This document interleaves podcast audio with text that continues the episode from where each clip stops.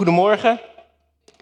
Uh, ik ben Geert Bode, nogmaals. Leuk dat ik terug mag komen. Ik vind het zo mooi om over Jezus te praten en over het woord. Het is echt mijn, uh, de Bijbel is echt mijn grote passie.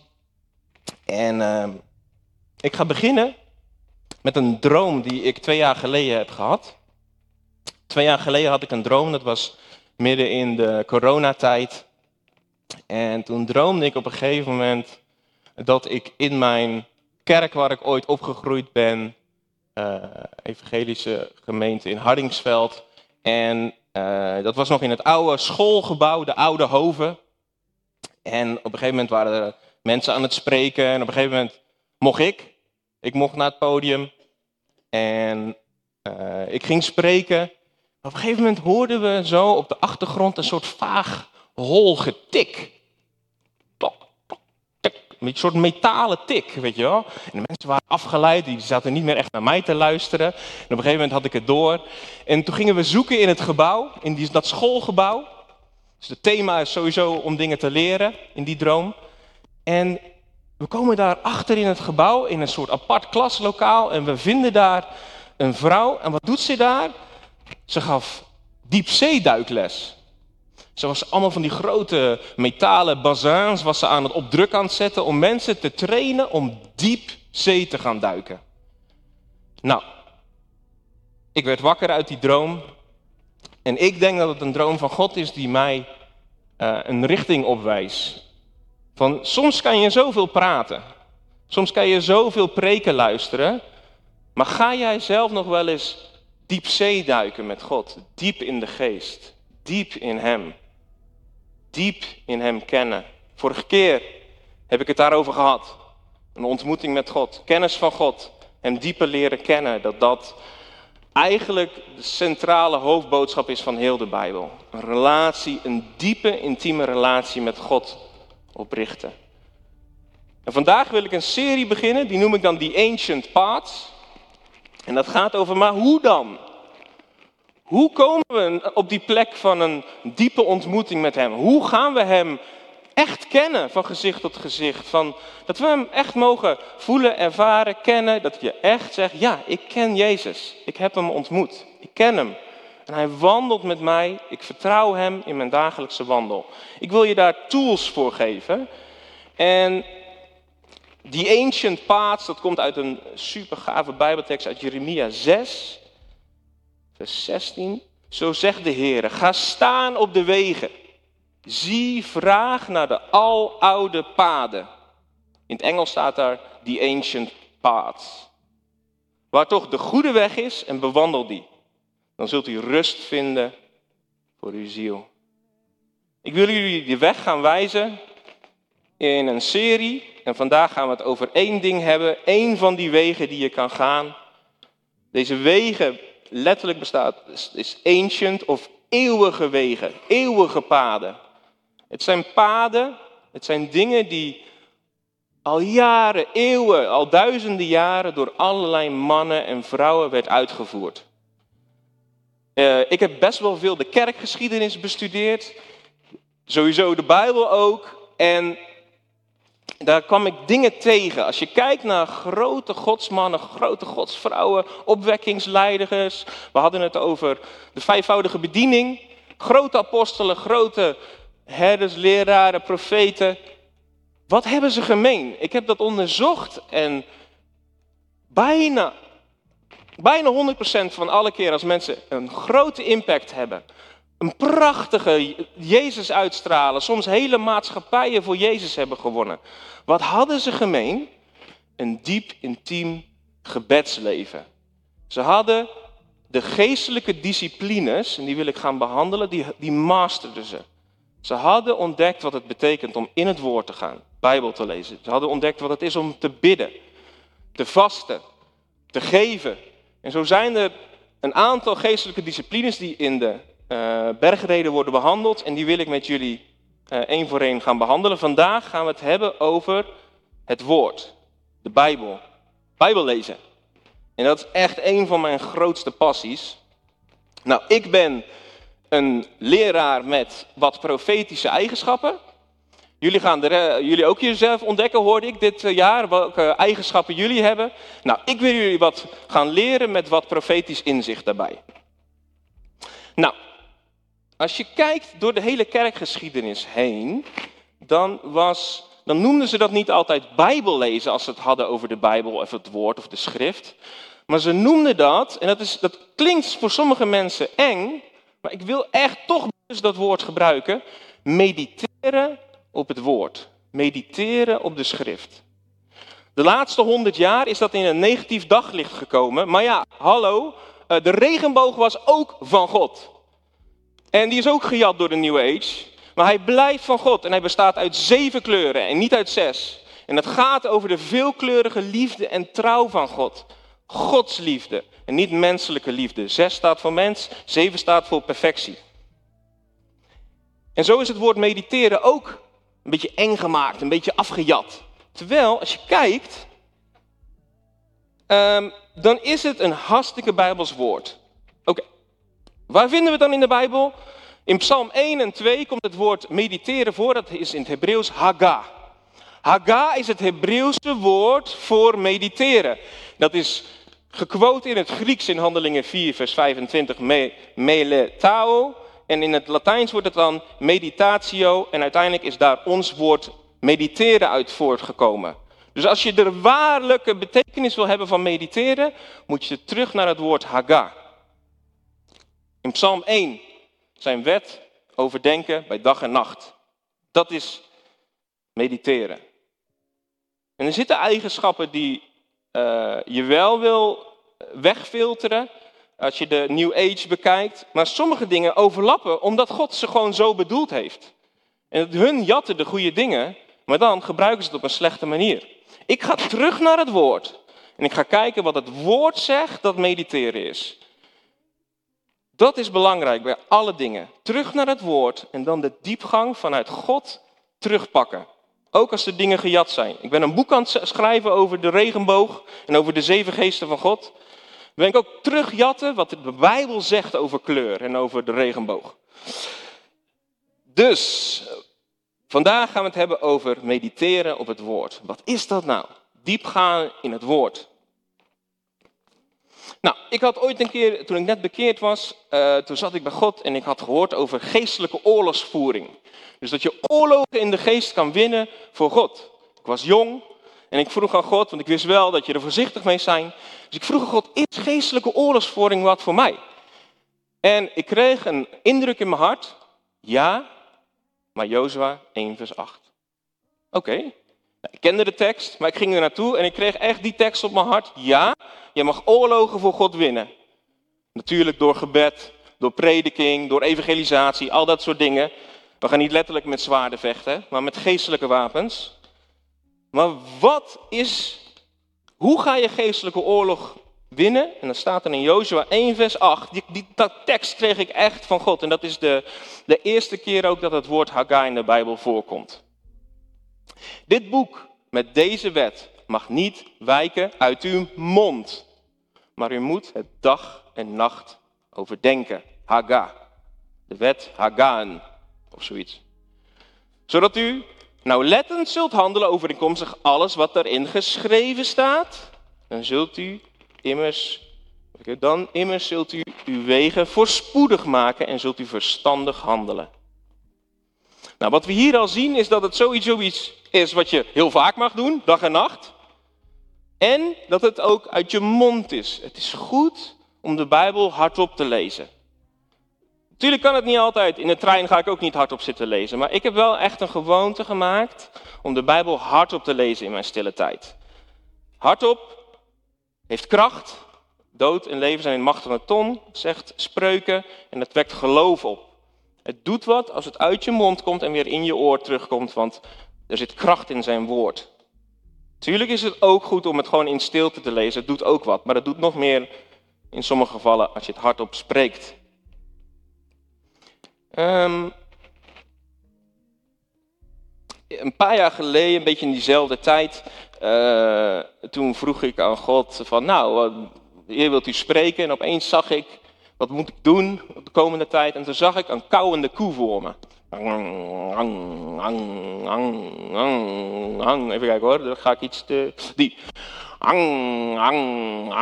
En ik had het gevoel dat God zei, mediteer op zijn woord. Herkauw het, herkauw het, herkauw het. Ga diep in zijn woord.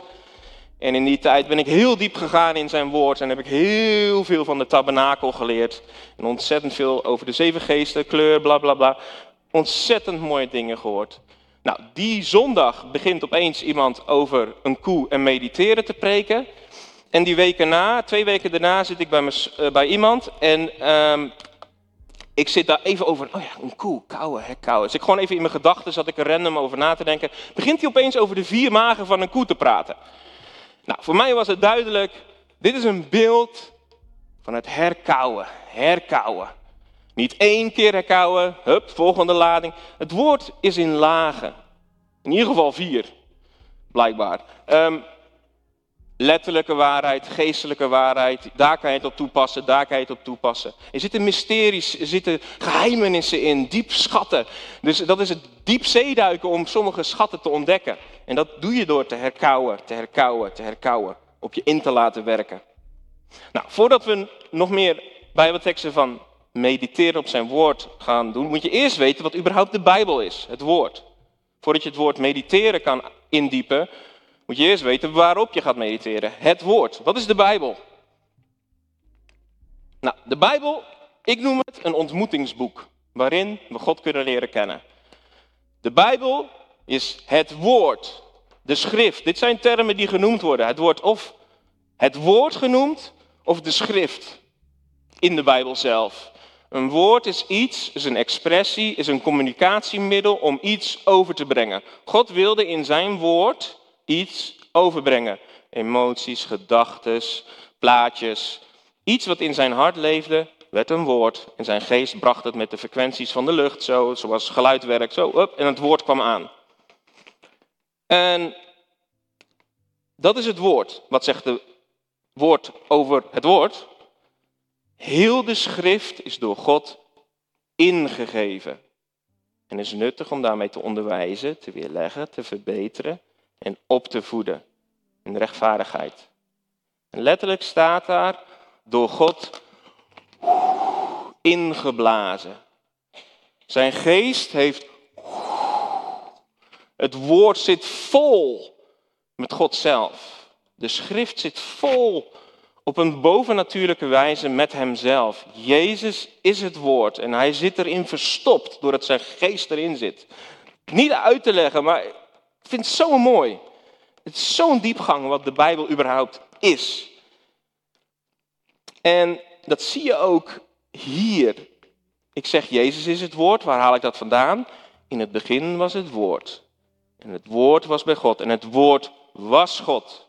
En het woord is vlees geworden. Nou, dat is duidelijk Jezus. En heeft onder ons gewoond. Of letterlijk in het Grieks getabernakeld. Super cool. En wij hebben zijn heerlijkheid gezien. En zijn heerlijkheid als van de enige geboren van de Vader. Vol van genade en waarheid. Dit is echt, vers 14 is nummer 1 mijn lievelingsvers van de hele Bijbel. Echt, ik vind dat zo mooi. Maar Jezus is het woord. En dat is de Bijbel op een bepaalde manier is Jezus, of het is een soort afdruk van Hem. Het, laat een perfect plaatje zien van wie Hem is. Ik zocht een plaatje van een man die dan helemaal met letters bekleed was, maar ik kon geen leuk plaatje vinden. En het is ook een beetje een raar plaatje eigenlijk. Maar Jezus zit vol met letters. Hij is de Bijbel en we mogen Hem leren kennen. Jezus is het woord. En, um, oh ja, dat was ik nog vergeten te zeggen bij die uh, koe. Ik zeg altijd als ik over dit onderwerp heb, een Fristini-ijsje zit zoveel fruit, dat zuig je er echt niet uit. En zo is het met de Bijbel ook. Je kan oneindig door blijven zuigen op het woord, kauwen op het woord. Er blijft leven in zitten. Al denk je dat je een Bijbeltekst kent, die heb ik gehad. Nee, er is een laag dieper. Het kan dieper in je ziel, het kan dieper in je hart, het kan dieper in je geest, in je hele zijn. Kan het een openbaring geven, kan het iets doen. En vergeet ook niet dat de Bijbel soms gewoon net als een boterham is. Hè? Uh, ik ga niet mijn boterham zitten bestuderen hoe de korrels en de vezels in elkaar zitten. Nee, ik neem hem, In geloof dat mijn lichaam daar profijt van heeft. Je hoeft niet te weten hoe de boterham altijd precies in elkaar zit. Ik snap echt niet altijd als ik Bijbel lees wat er precies gebeurt. Neem hem gewoon, die boterham. Het doet zijn werk. En deze is ook mooi, Hebreeën 4, vers 12. Want het woord Gods, logos, het woord Gods is levend en krachtig. In de grondtekst staat energies. Energie heeft het. Het heeft kracht, energie. Het heeft leven en het is scherper dan enig tweesnijdend zwaard. En dat gaat door tot de verdeling der ziel en des geestes. Het is belangrijk om jouw gedachten te kunnen onderscheiden van Gods gedachten. Hoe meer jij de Bijbel leest, hoe meer jij die, om dat onderscheid weet te maken. Wat komt van jouw eigen ziel en wat komt van uit de Heilige Geest door jouw mensengeest heen. Dat is zo belangrijk. Waarheid, leugen. Niet alleen in Gods stem verstaan, maar ook in waarheden. Wat is waarheid? Hoe moet je de Bijbel interpreteren? Hoe moet je naar het leven kijken? Al dat soort dingen. Gods woord is als een vuur. Gods woord is een lamp. Gods woord is een hamer. Gods woord is zaad. Gods woord is regen. Gods woord is een zwaard. Gods woord is als een kus. Het hooglied. Al die dingen zegt de Bijbel dat Gods woord is en wat het kan doen. Nou, dan gaan we naar de kerntekst van vandaag, Psalm 1. Dat is wel, denk ik, de bekendste plek waar het woord mediteren in voorkomt. En dat, als je de King James leest, dan staat er ook meditate on the law day and night. Psalm 1. Welzalig de man die niet wandelt in de raad van de goddelozen. Die niet staat op de weg van de zondaars. Die niet zit op de zetel van de spotters. Maar die zijn vreugde vindt in de wet van de Heer. En zijn wet dag en nacht overdenkt. Want hij zal zijn als een boom geplant aan waterbeken die zijn vrucht geeft op zijn tijd. Waarvan de het blad niet afvalt. Al wat hij doet zal goed gelukken.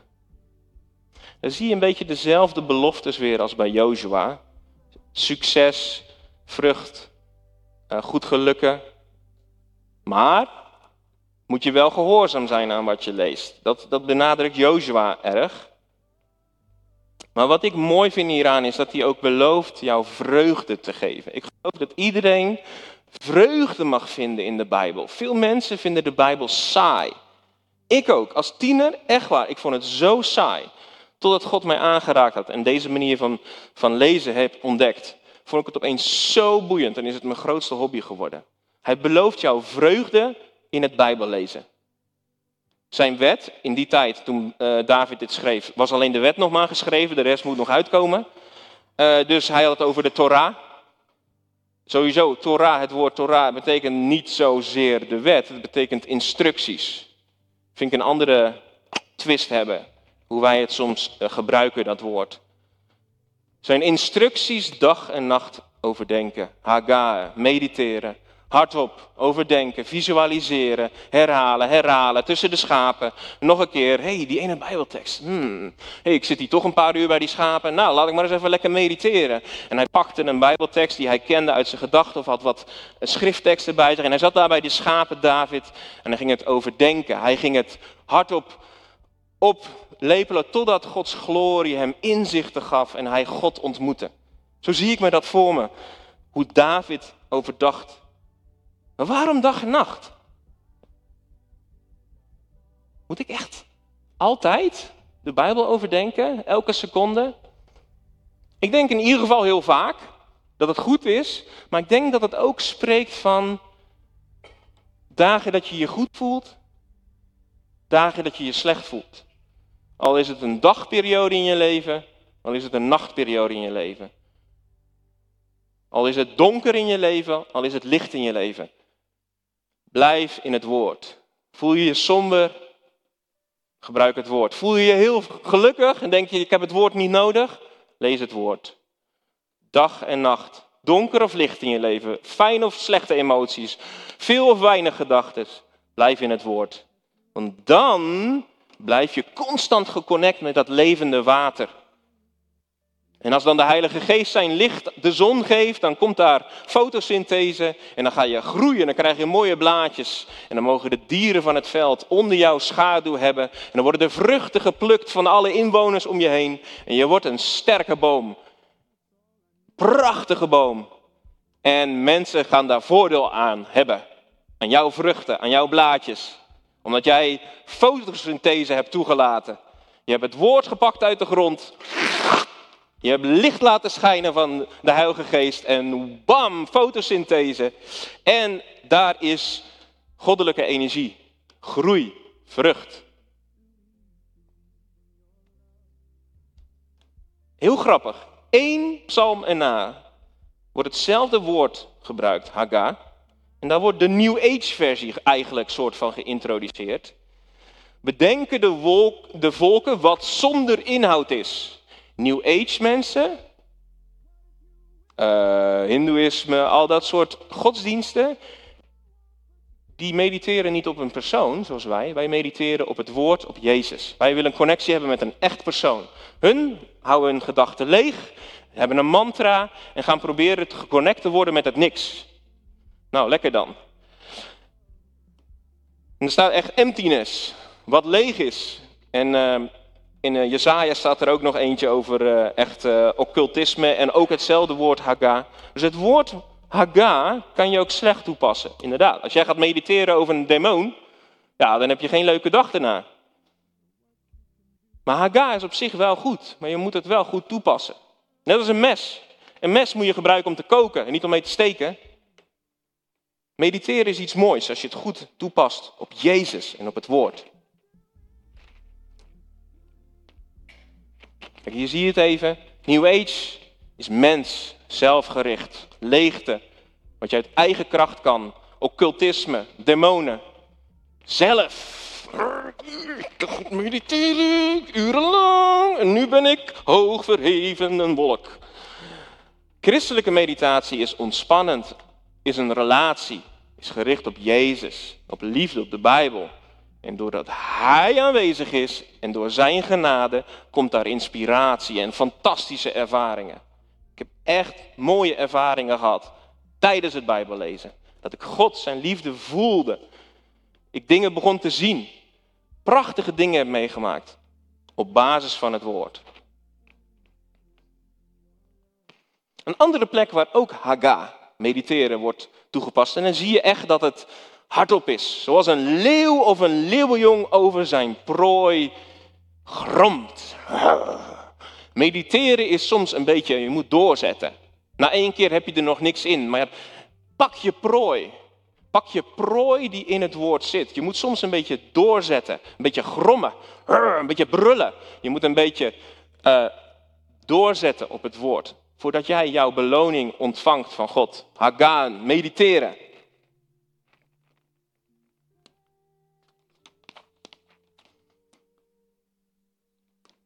Hier zie je in Psalm 77, vers 13. Ik zal al uw werken overdenken, Haga. Alles wat God dus doet, kan je over mediteren. En dan in één zucht wordt een ander Hebreeuws woord gebruikt, en dat is siach.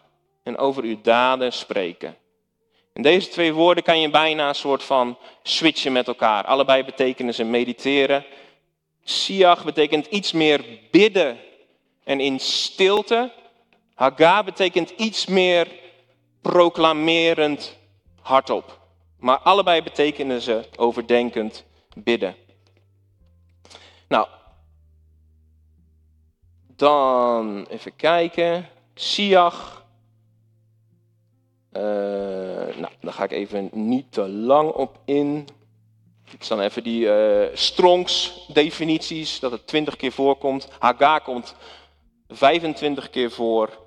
En hier zie je dan wat betekenissen, wat siach bijvoorbeeld, wat de uh, taalkundigen zeggen dat het woord betekent. Overdenken, spreken, communiceren, bidden, mediteren, beschouwen, zingen, onderhouden, zich beklagen, praten met, bestuderen. Alles bij elkaar vat ik onder de noemer mediteren. Het is eigenlijk niet één ding, het is een heel, een heel ding. Het is wat we soms noemen stille tijd met God hebben. Maar het is niet alleen stil, nee, het is een relatie. Je praat, je denkt, je visualiseert, je zingt, je eh, bent even stil. Het is al die dingen bij elkaar. Dat is mediteren. Hetzelfde geldt voor dat Haga-woord.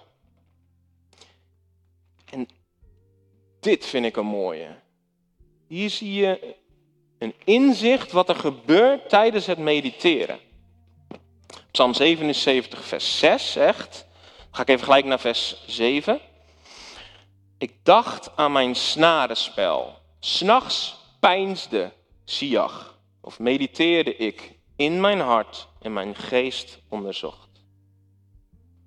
Wat gebeurt er als jij in Gods woord Bijbel leest en mediteert en daar ruimte geeft aan Gods geest? Jouw geest connect met de Heilige Geest. En doet daar onderzoek en geeft jou inzichten die je niet zelf eerder had. Dat is boven je ziel. Je ziel wordt geïnspireerd vanuit de Heilige Geest.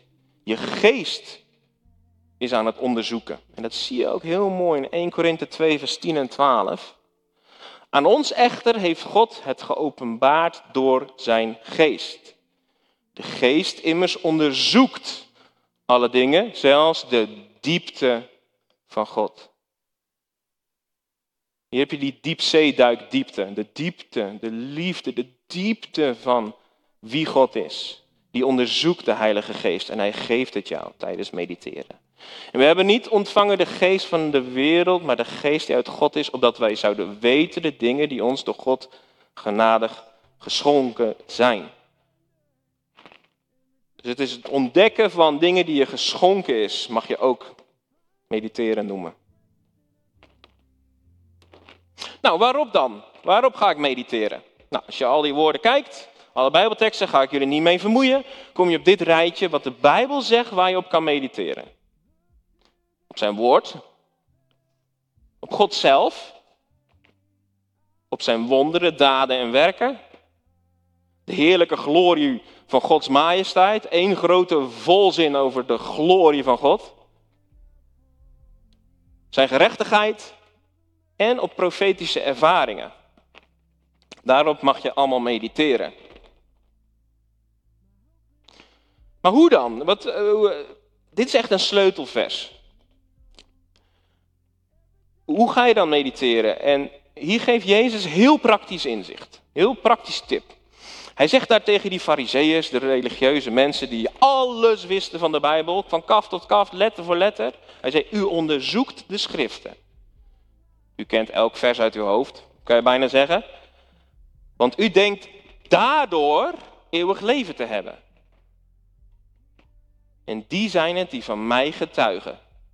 En toch wilt u niet tot mij komen omdat u leven heeft. Bijbelstudie alleen brengt je geen leven. Bijbelstudie en het vervolgens in gesprek brengen met Jezus geeft leven. Ik zeg, de, de allersimpelste definitie van mediteren is biddend lezen. De Bijbel bidden. Maar het is nog niet compleet, maar dat is wel de allersimpelste. Praat met Jezus tijdens het Bijbellezen en het verandert je leven. Echt waar. Kom tot Hem, opdat u leven heeft. Nou, welke stukken dan uit de Bijbel? Uh, wacht even, ik ga eerst nog iets anders zeggen. Ik ga even een definitie geven van hoe ik dan mediteren zie, na al deze Bijbelteksten gehad te hebben. Mediteren op het woord is meer dan het simpelweg lezen van de Bijbel. Je neemt een klein gedeelte of aspect van iets uit de Bijbel, een vers, een verhaal of zelfs maar een zinsnede. Je gaat je daarop focussen en tegelijkertijd ben je je bewust van de aanwezigheid van de Heilige Geest die in je woont. De auteur van het woord woont in jou. Je begint langzaam over en over het gedeelte te lezen, liefst hardop, en je laat het diep op je inwerken. Je begint het te overdenken, te proeven, te herkauwen, te visualiseren, van alle kanten te bekijken. Je personaliseert het en je laat het je hart raken. Je begint Jezus vragen te stellen en de waarheid dieper te onderzoeken. De Heilige Geest zal vervolgens nieuwe diepte van God en zijn liefde openbaren. En je laten beleven. Hij zal je naar meer geestelijk inzicht, kennis van God, een krachtige wijsheid geven. Je bewustzijn van zijn aanwezigheid in je leven wordt sterker en God brengt je tot een reële ontmoeting met Jezus Christus, het levende woord. Ik had vorige keer al verteld over hoe ik een opwekking heb meegemaakt uh, toen ik net tot geloof was gekomen. En daar ga ik nog een keer een beetje over vertellen, want we hadden dus een half jaar gebeden eh, dat er opwekking zou komen. En toen hadden wij opeens een groep van 30 mensen die super enthousiast waren voor Jezus op die school. En wat gingen we doen? Elke eerste pauze gingen we bidden. Maar hoe dan? De eerste kwartier pakten we één Bijbeltekst, gingen we allemaal in stilte op mediteren. En de tweede kwartier gingen we het uitbidden. Dus gingen we vanuit die Bijbeltekst over onszelf, over elkaar, over de stad, over de wereld, gingen we bidden of gingen we een lied zingen of wat er maar in ons opkwam. En echt wel, ik heb daar zulke mooie dingen meegemaakt. Mijn geestelijk inzicht en mijn kijk op de Bijbel is echt compleet vernieuwd in die tijden. Het, het is zo simpel, maar het is zo mooi. Het was zo'n gave tijd om dat met elkaar op die manier te beleven. Ik heb in mijn jonge jaren als christen heel veel gemediteerd op het woord en ook over dat ik veilig in Christus, in God in de hemel ben. En daar heb ik heel veel aan gehad. In mijn jaren dat ik diep uh, depressief en burn-out was, dat ik soms letterlijk niet uit mijn bed kon vanwege de angst. Die jaren heb ik gehad. Een paar maanden was dat, maar ik heb heel veel jaar met psychische klachten geleefd. Uh, als ik niet dat, die, dat concept, die realiteit had gehad, had ik denk echt nu in een uh, psychiatrische inrichting gezeten. Het heeft me zoveel kracht gehouden dat hoe mijn ziel ook angsten en emoties en duisternis had, dat ik wel diep in mezelf is, maar ik ben veilig in Christus, in de hemel. Hoe naar ik me ook voel, mijn ziel die functioneert niet meer, mijn lichaam doet niet mee, maar ik weet, ik ben veilig. Daar heb ik zoveel houvast aan gehad. Gelukkig had ik daarover gemediteerd en had ik daar kracht uit gehaald. Hoe ben ik tot deze hele reis begonnen? Een van de verhalen.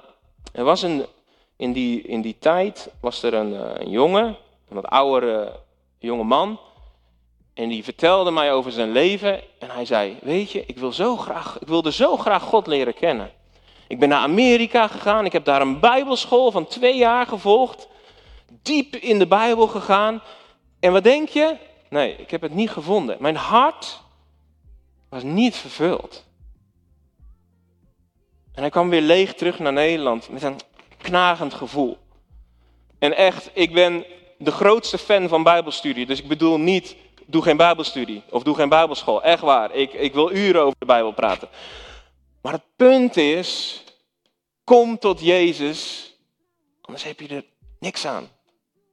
Hij zei, wat ben ik gaan doen toen ik in die teleurstelling terugkwam in Nederland? Hij zei, ik ben elke dag twee uur apart gaan zetten. Best extreem. En hij nam één vers. Johannes 3, vers 16. Al zo lief wat God de wereld gehad. Dat hij zijn enige geboren zoon gegeven heeft. Omdat een ieder die in hem gelooft, eeuwig leven hebben. Niet verloren gaat. En hij is daar twee weken lang, twee uur per dag, over gaan mediteren. Ik vond het best heftig toen ik dat hoorde. Ik denk, dat gaat me nooit lukken. hij zei, na die twee weken kwam er een moment. En toen kwam Gods liefde zo diep over mij. Hij was voor nooit meer dezelfde. En hij had twee jaar in Amerika gezeten. De meest bijbelschool, bla bla bla. Hij ging thuis in zijn Bijbel zitten, in zijn eentje. En hij bracht helemaal zijn ritme tot rust. Al die smartphones en dingen even aan de kant. Eén Bijbeltekst. Meest standaard Bijbeltekst ever. Die ken je al lang. Maar God blaasde er doorheen. En Gods liefde kwam in zijn leven. En hij was echt niet meer dezelfde. Dat verhaal heeft mij op gang gebracht hierin. Ik heb nooit zo lang gemediteerd op één tekst. Het is me nooit gelukt. Maar het is me wel heel vaak gelukt om een kwartier op één tekst te focussen. En dat heeft me al enorm veel gebracht. Gewoon eens tien minuten of een kwartier, misschien een half uur als het echt een langer gedeelte is. Daarop te focussen en lekker als een fristini-uisje eruit zuigen wat erin zit. Wat God, ik probeer het op een heilige manier respectvol te zeggen, maar God heeft er zoveel ingestopt. En wat maak je dan mee? De Emmausgangers, hun harten waren aan het branden toen Jezus een bijbelstudie deed, al wandelend naar Emmaus. Hun harten gingen branden. Lucas 10. Maria zat aan de voeten van Jezus, luisterend naar zijn woord. Opslurpen, de aanwezigheid de, het leven.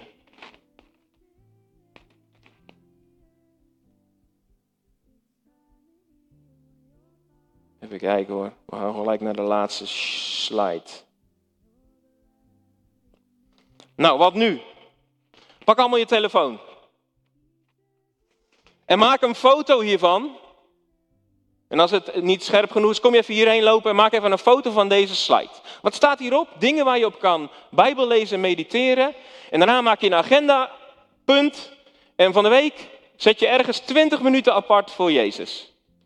De eerste 10 minuten ga je die Bijbeltekst lezen. Ik heb hier wat voorbeelden die je kan pakken. Als je echt niet weet wat mooi is, ik zou Johannes hoofdstuk 1 doen. Prachtig. Zet 20 minuten, dat is toch niet veel? Plan 20 minuten voor Jezus deze week. Ga je het doen? Yes? Oké. 10 minuten die Bijbeltekst mediteren en dan 10 minuten daarover bidden met Jezus. Ja, het liefst de hele week. Maar ik ben al blij als je het één keer doet. Maar ja, het was uh, dag en nacht, hè? Oké, elke dag. En ik zou het leuk vinden als het nou totaal niet leuk was, of juist wel heel leuk was, ik zou graag je ervaring willen horen. Hoe het was om dit zo te doen. Mail het naar me, ik hoor het graag. Dus ik ga bidden en uh, zet je appointment van de week met Jezus. Mediteren op het woord.